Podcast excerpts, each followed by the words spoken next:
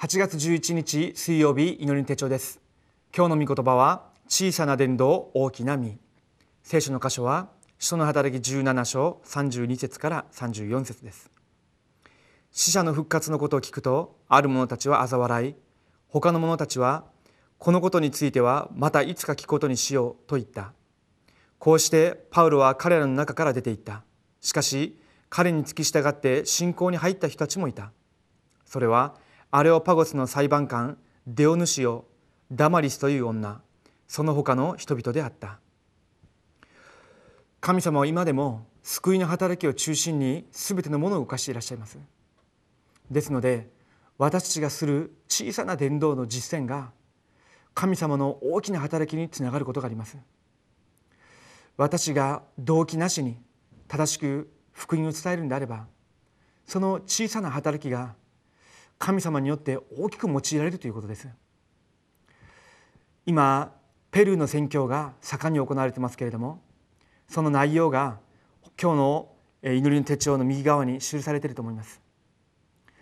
その最初の働きが、えー、韓国に訓練を受けに来ていたフリオ牧師の働きによって始まりました。フリオ牧師が地下鉄に乗ってみるとその地下鉄の駅の構内で何かアクセサリーなどを売ってるペルーの人たちと会うようになりました。フリオ牧師がもともと中南米の方に住んでいたことがあったのでスペイン語が上手ですね。話をかけてみると本当に苦労しているようでした。その時にキリストの福音を伝えるようになったんですけれどもその人がキリストを受け入れて病んでいる者たちが癒されて全く希望がなくて苦しんでいる人たちが希望を得てその一人だけではなくてどんどんどんどんつながっていくようになりました。気づいてみると20人30人ぐらいになってその人たちがまたペルーの方に帰るようになった時にはペルーの方にもつながるようになってとうとう大使たちやエリートたちにもつながるようになって今年の春ペルーで初めての伝道集会が開かれるようになりました。私たちは誰か一人に福音を伝えるということが何でもないことに感じるかもしれませんけれども私の小さな伝道の働きが神様の大きな実を結ばせるようになります。今日私が日本の現場では伝道が難しいという不信仰考えそれを全部下ろしてその難しい現場であるほど私の小さな伝道が神様の大きな働きとつながるんだと。そのような信仰を持って今日も福音を携えて現場に行っていただきたいと思います。では今日の祈り手帳の序文を一緒に読みたいと思います。アダニ地域はパウロの伝道の働きの中で実が最も少なかったところでした。ごく小さな伝道でしたが大きな実を結びました。私たちが伝道のために集まって祈り小さな実践をしたことが神様の目にはとても尊いため大きな実を与えられます。一日を始めながら今日私はどのような伝道者の人生を生きるべきかについて考えるならば大きな見栄とつながります。では一つ目です。伝道のためのとても小さなこと。ヨセフが大きなことをしたのではなくポテファルの家に行って熱心に働いただけなのに神様がヨセフを総理にしてくださいました。犠牲の生贄という契約を握ったモーセは杖一本しかありませんでしたがゆくあらゆるところで神様の働きが起きました。サムエルとダビデがインマヌエルの契約を持っていましたが行くところごとに人が生かされました。預言者イザヤはメッセージを伝えて死にましたが神様の働きによって大きな実が結ばれました。パウロは少ない忠実な人々に福音を委ねましたがその後ローマを征服する働きが起きました。それであれば私の伝道のための小さな働きも日本の福音化世界福音化につながる神様の大きな働きを起こすようになるということです。特に日本の現場で本当に福音伝える人がどれほど少ないでしょうか。それであれば私が今日一日福音のために小さな実践をしたとしても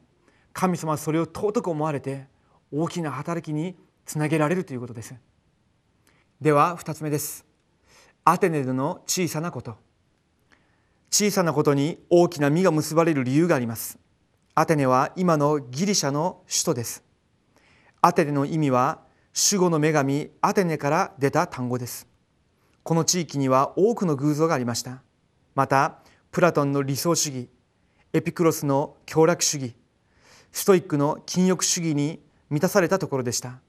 ここに行って福音を伝えたということは小さなことのように見えますがパウルの伝道チームはその年で理由のある伝道を実践しました。では3つ目です。後に大きな実として現れた小さな伝道。イエスがキリストでありその証拠としてよみがえられ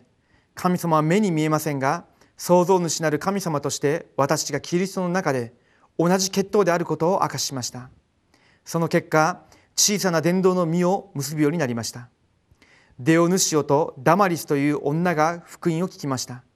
しかし後の歴史を見るとここに大きな教会が建てられデオヌシオが大監督になりました。どんなに小さな働きであったとしても伝道運動は大きな実として現れます。田舎など大変な現場で福音を伝えると実が小さく見えるかもしれませんがその実は決して小さくありません。今日私が日本の現場で皆さんの地域の現場でするその伝道の働きが小さな実を結ばせるかもしれませんけれどもその小さな実で終わることではなくて大きな木となるようになります。今日も期待しつつ伝道資料を準備して